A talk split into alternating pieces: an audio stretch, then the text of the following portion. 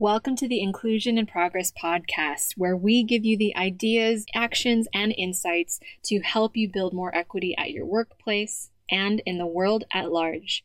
I'm your host, Kay Fabella, international expert on diversity, equity, and inclusion, a Filipino American living in Spain, and your guide in navigating this DEI journey. Having worked with teams at companies such as Philips, the IMF, Red Hat, PepsiCo, and more, I know firsthand that the work of inclusion only works when everyone has a seat at the table. Regardless of your personal entry point into this conversation, your race, ethnicity, gender, ability, age, sexual orientation, country of origin, or educational background, we all have a role to play in creating inclusion for all. And it starts with us having conversations we need to create the change we wish to see. So let's dive into today's episode.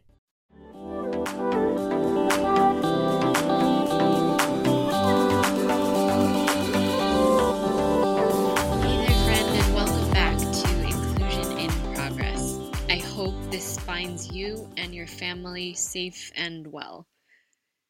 If you've lost count of how many times you've heard that sentence, or something like, in these unprecedented times, or a sign off of stay safe on a virtual call over the past few weeks, you're definitely not alone.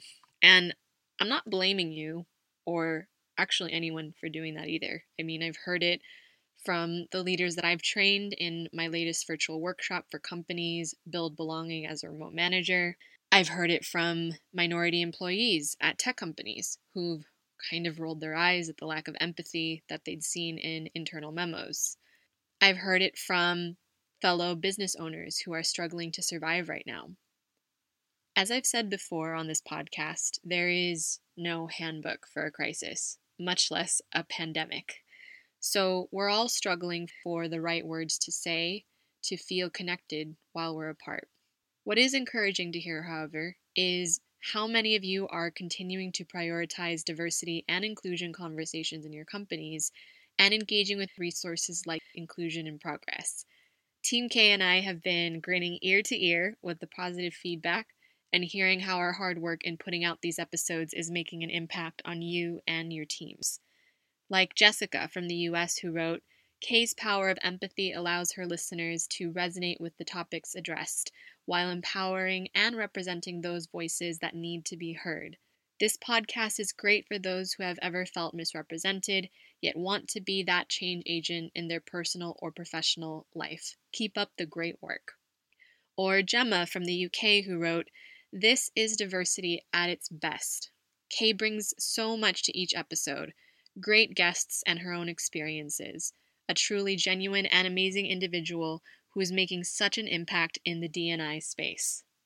And if you would love to do me a five minute favor, we'd appreciate it if you also showed support for this podcast by leaving us a review on iTunes. We've shifted the episodes we originally had scheduled to try and provide as much relevant content for minority leaders and inclusion driven companies at this time. And we really want to continue to get these conversations and resources out there to those who would most benefit. All you have to do is head to the link in the show notes or open up this show directly in your iTunes app by searching for this podcast, Inclusion in Progress, and then writing us a review. And we'll be sure to read it out and, of course, shout out to you on a future episode.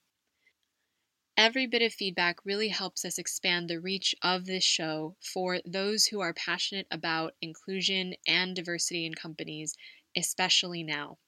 And of course, if you have a specific DNI challenge you'd like answered on the podcast about how you can continue to be an inclusive leader or a diversity and inclusion advocate at this time, please send me an email at info at kfabella.com. I read each and every message that comes in and would be happy to answer any questions you might have. So, without further ado, let's dive into today's episode about how not to communicate with others in a crisis, especially when all of us are grieving and processing trauma in different ways and at different stages. My first true experience with grief was when I lost my Lola, the word for grandmother in Tagalog, on July 3rd, 2017. Both she and my Lolo immigrated to the US from the Philippines on a special immigrant visa. My Lolo, or grandfather, had worked his entire life abroad for US contractors and the US government, separated from his family for decades before he was finally invited by the US government to settle with his family in Northern California. My parents, my sister, and I lived in Los Angeles, and I would look forward to our visits to my Lolo and Lola and our family in the Bay Area every Thanksgiving and Christmas. My Lola didn't speak to us much, as English was actually her fourth language after Pangasinan, Kapampangan, and Tagalog. But she showed her love to us through the universal language of food. Her way of saying I love you was, Have you eaten yet? While my Lolo was able to continue working for the US government at Presidio, he was really proud of the fact that his office window overlooked the Golden Gate Bridge. My Lola took one of the few jobs available to her as an immigrant, a caregiver for seniors. In June 2017, I had flown from Spain home to California for my sister's graduation from law school the same weekend as Father's Day with my family. What was supposed to be a celebration of family milestones turned into anxiety and worry as my Lola was hospitalized for her third stroke twice in the same week.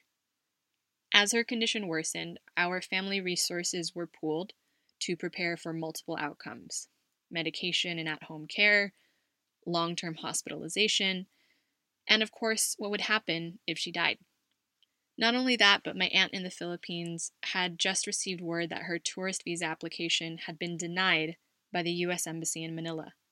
Even with all of the official paperwork that we had frantically gathered and notarized and faxed to help strengthen my aunt's case to be able to fly to the U.S. to see her mother while she was still alive.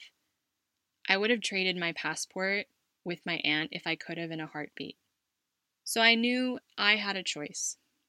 I could either stay in California and forego my scheduled flight back to Spain, not knowing how much longer I would actually have with my Lola and taking time away from work, or fly back to Spain knowing that any resources that would be available for a last minute flight back to California would be collectively allocated for my Lola's funeral. When I decided I was going to fly back to Madrid, I wiped my tears. I smiled and I squeezed my Lola's hand one last time before I left her hospital room. It was the last time that I would see her alive. Like anyone who has experienced the loss of a loved one, grief is a deeply, deeply personal experience. Grief doesn't share its schedule with anyone else. We all grieve differently and on our own time. In the weeks and months to follow, my emotions ran the gamut. One moment I'd be grateful for the fact that I actually got to see my Lola alive, hold her hand, and see her smile before she left us. The next, I would be berating myself for having chosen to live in Spain, feeling immense guilt for not being able to fly back for her funeral. One minute, I would be angry at well meaning friends who would fall back on platitudes or stubborn optimism, or comparing my pain to theirs as if it was a competition for who had suffered more. The next, I would be sad when I remembered that I too had struggled to find the right words in the past for those who I knew who had experienced loss, and realized that all of us are human with our own battles and our own struggles, just trying our best to be there for each other in the ways that we know how. I would alternate between grieving for my Lolo, her devoted husband, devastated and disoriented without the woman he's loved for more than half his life. For my mom, my aunts and uncles who lost their mother, and their spouses who were holding them up. For my sister and my cousins who loved our Lola like a second mother. I would joke to people with tears in my eyes that grief left me feeling like Moana, riding on top of one wave one second and drowning under the next. Trying to remember to keep breathing in and out and doing my best to ride or slip under the waves as they came. Granted, I am someone who is capable of feeling a seven layer cake of emotions at once on a good day and has worked extremely hard to tune into what I need to be able to manage my mental health. But the grief roller coaster that you, your employees, and colleagues are experiencing in a time of crisis especially something as far reaching as a pandemic, will be just as erratic and unpredictable, if not worse. Because we still don't fully understand the consequences of what will happen, the toll on different communities, the emotional and physical toll on survivors, and the millions of people who will be displaced and affected by pre existing socioeconomic factors. I break this down more on episode 20 of this podcast, Inclusion and Belonging in Uncertain Times, which you should definitely listen to if you haven't already. What it boils down to is this In times of crisis, when emotions are already running high and we're experiencing grief and trauma in waves as individuals and collectively, your employees and your team members need to be informed, reassured, and listened to. If you don't provide them with the information and the reassurance that they need during a crisis, they're more likely to draw their own conclusions when they don't hear from you. That's why communicating with your teams effectively during a crisis is essential. So, here are a few mistakes to avoid when communicating with others in a crisis, and what you can do instead to foster inclusion, belonging, and understanding. The first is don't try to be a fixer. The most well meaning among us especially go getters and problem solvers that we tend to look to for leadership, often hop into action without necessarily understanding the context. We try to offer solutions immediately because we hate to see someone else in pain. So we say things like, you have to journal your feelings, or try meal planning, or go out in nature wherever possible, or make sure you're eating healthy, or are you still exercising? Fixers are insistent with the best of intentions.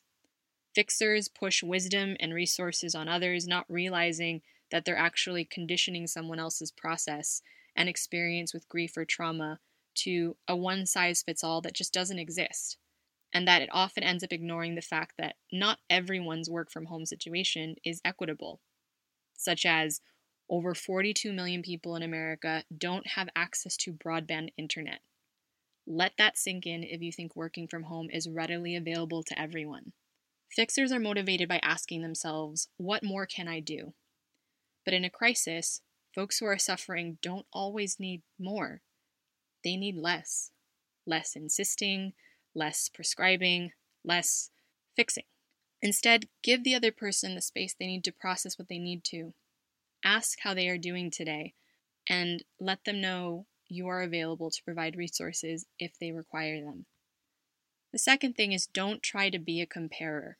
Saying, I've been there too, and I've suffered just like you have, is technically true during a pandemic that's affecting all of us as a species. But trying to compare our suffering with someone else's, even in an attempt at compassion, unwittingly minimizes the other person's suffering relying on tropes and cliches. By bringing the focus back to ourselves and our story instead of theirs, we rob the person grieving of living through their own. Newsflash grief and trauma are not a game of one upmanship. Your partner may be a nurse at the hospital, but your colleague's brother may be in the ICU on a ventilator. You may have a pre existing condition that puts you in an at risk population, but your team member may be struggling with depression after hearing her grandmother died alone in the hospital where no one was allowed to visit her. Your country's leadership may be appalling in the face of coronavirus, but your friend on the other side of the world may live next to a 24 hour health clinic, trying not to cry every time they hear a siren go off every hour on the hour. If someone is willing to share their experience with you, listen. Listen to them. Really listen. They're willing to be vulnerable enough with you to bear witness to their story, so give them the opportunity to do so. Even if you're trying to show that you genuinely care by sharing your similar situation to offer them a sense of solidarity, let them finish what they have to say and ask how you can be a source of support for them when they finish.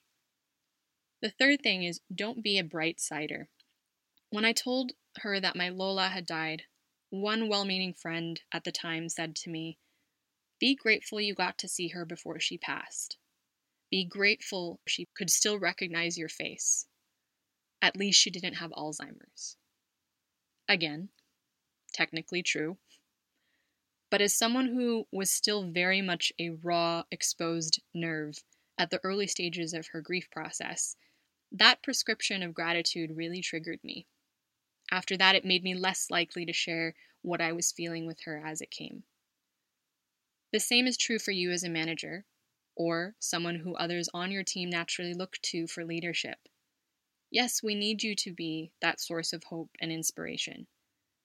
But often, when you're uncomfortable with the pain of seeing someone suffering, you may also be forcing, even if you don't mean to, a Pollyanna level of optimism on others, which ends up making you feel better than the person who's experiencing pain in that moment. Instead of a default of trying to rally the troops and ask people to look on the bright side, lead with empathy. Even starting off a meeting honestly by saying, This is hard, will be appreciated by others. But always read the room first, and, where possible, do a temperature check on how those around you are feeling in that moment. Brene Brown, for example, offers a two word emotion check at the start of each of her meetings so people can share what they're going through without judgment. That way, you know what kind of encouragement you need to offer in a way that doesn't invalidate your colleagues' experiences or your team's feelings and helps inform how you show up to support them. And if you need help managing these types of conversations and leading your diverse teams with empathy and inclusivity through a crisis, get in touch with me at the link in the show notes or at kfabella, K A Y, F as in Frank, A B as in boy, E L L A dot com.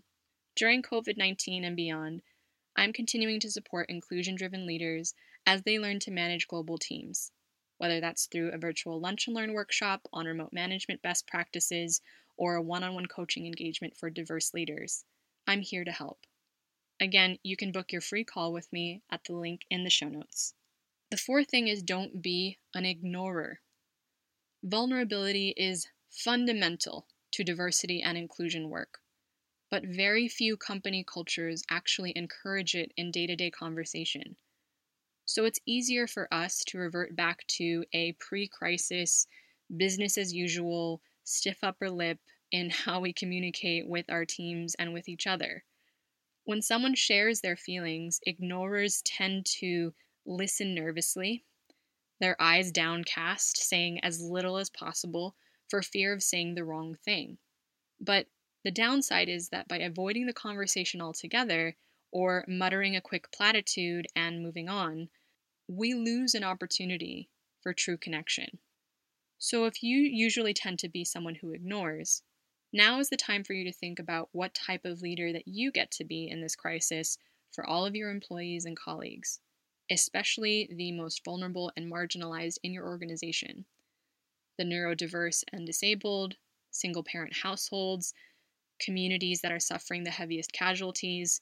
And with a crisis of this magnitude, these are conversations that no one can afford to ignore any longer. So you have a choice.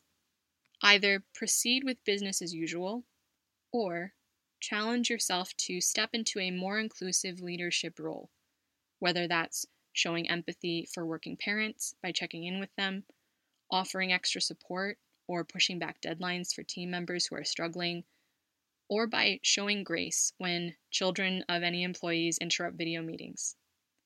The fifth thing is don't be a fast forwarder. Now, I'm not normally a violent person, but if there was one phrase that made me genuinely clench my fists in anger when I first lost my Lola, it was this Everything happens for a reason, so stay strong. Now, I know what they meant. I know they were trying to reassure me that life always ends well and good things always happen on the other side of tragedy. But again, context.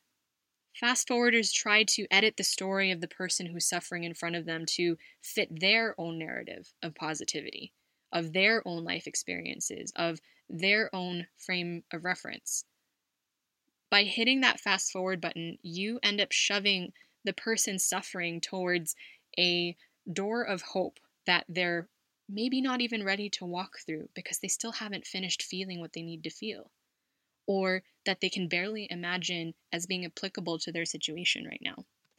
Telling someone that even though they won't be able to bury their loved one, or comfort their niece when her mom is diagnosed with the virus and is self quarantining in one side of the house, or that they won't be able to fly to their home country to see their parent on their deathbed. That everything happens for a reason, so stay strong, isn't just tone deaf, it erodes trust. The very thing that you need to maintain effective, open communication to support one another through a crisis. There is no rhyme or reason to tragedy. The only thing we can do when someone is suffering is to patiently listen more than we speak, to ask before we assume, and to assure them that we support them no matter what. Inclusive leadership really boils down to accepting someone as a full human being, no matter where they come from and no matter what state they are currently in, and letting them ride their waves as they come, comforted in the knowledge that they're not alone because we've got their back. So there you have it five ways not to communicate in a crisis and what to do instead to encourage inclusive leadership and conversations at all levels of your organization. The first is don't try to be a fixer. The second is don't try to be a comparer. The third is don't be a bright sider. The fourth is don't be an ignorer. And the fifth is don't be a fast forwarder. It's no secret that things will change as a result of this pandemic, especially the future of work culture as we know it, which means you can either focus on the challenge or see this as an opportunity for change for you as a leader or as a minority professional to step up and lead people through this crisis. As a colleague said recently, it's not BAU business as usual, it's BAU business as us. And maintaining that sense of us with your employees and colleagues is critical in challenging times, pandemic or otherwise. To adapt to these changes, I'm now helping clients with global teams continue to feel supported and included as they shift to remote work, to navigate the transition successfully through updating your remote work policy, creating virtual communication protocols, and continuing your team building efforts virtually to combat work from home isolation continue to drive company culture in creative ways, and keep up employee morale, engagement, and communication while they're still out of the office for the months to come. So, to learn more, get in touch at the link in the show notes or at kfabella.com. On our free call, I can discuss a virtual solution to help your company continue to support and include your people at this time. Last but not least, this is going to be a challenging time for us. So, please be kind to one another and please be kind to yourself as much as possible while staying safe and healthy. Until then, be well, and if you ever need anything, feel free to reach out to me directly at info at kfabella.com. I read each and every email that comes into my inbox, and I'm here to be a resource for you right now. Thanks so much for tuning in, and I'll see you back here next week for another episode of Inclusion in Progress. We're going to continue to offer resources, expert interviews, and industry insights to support you and your people through this. See you next week.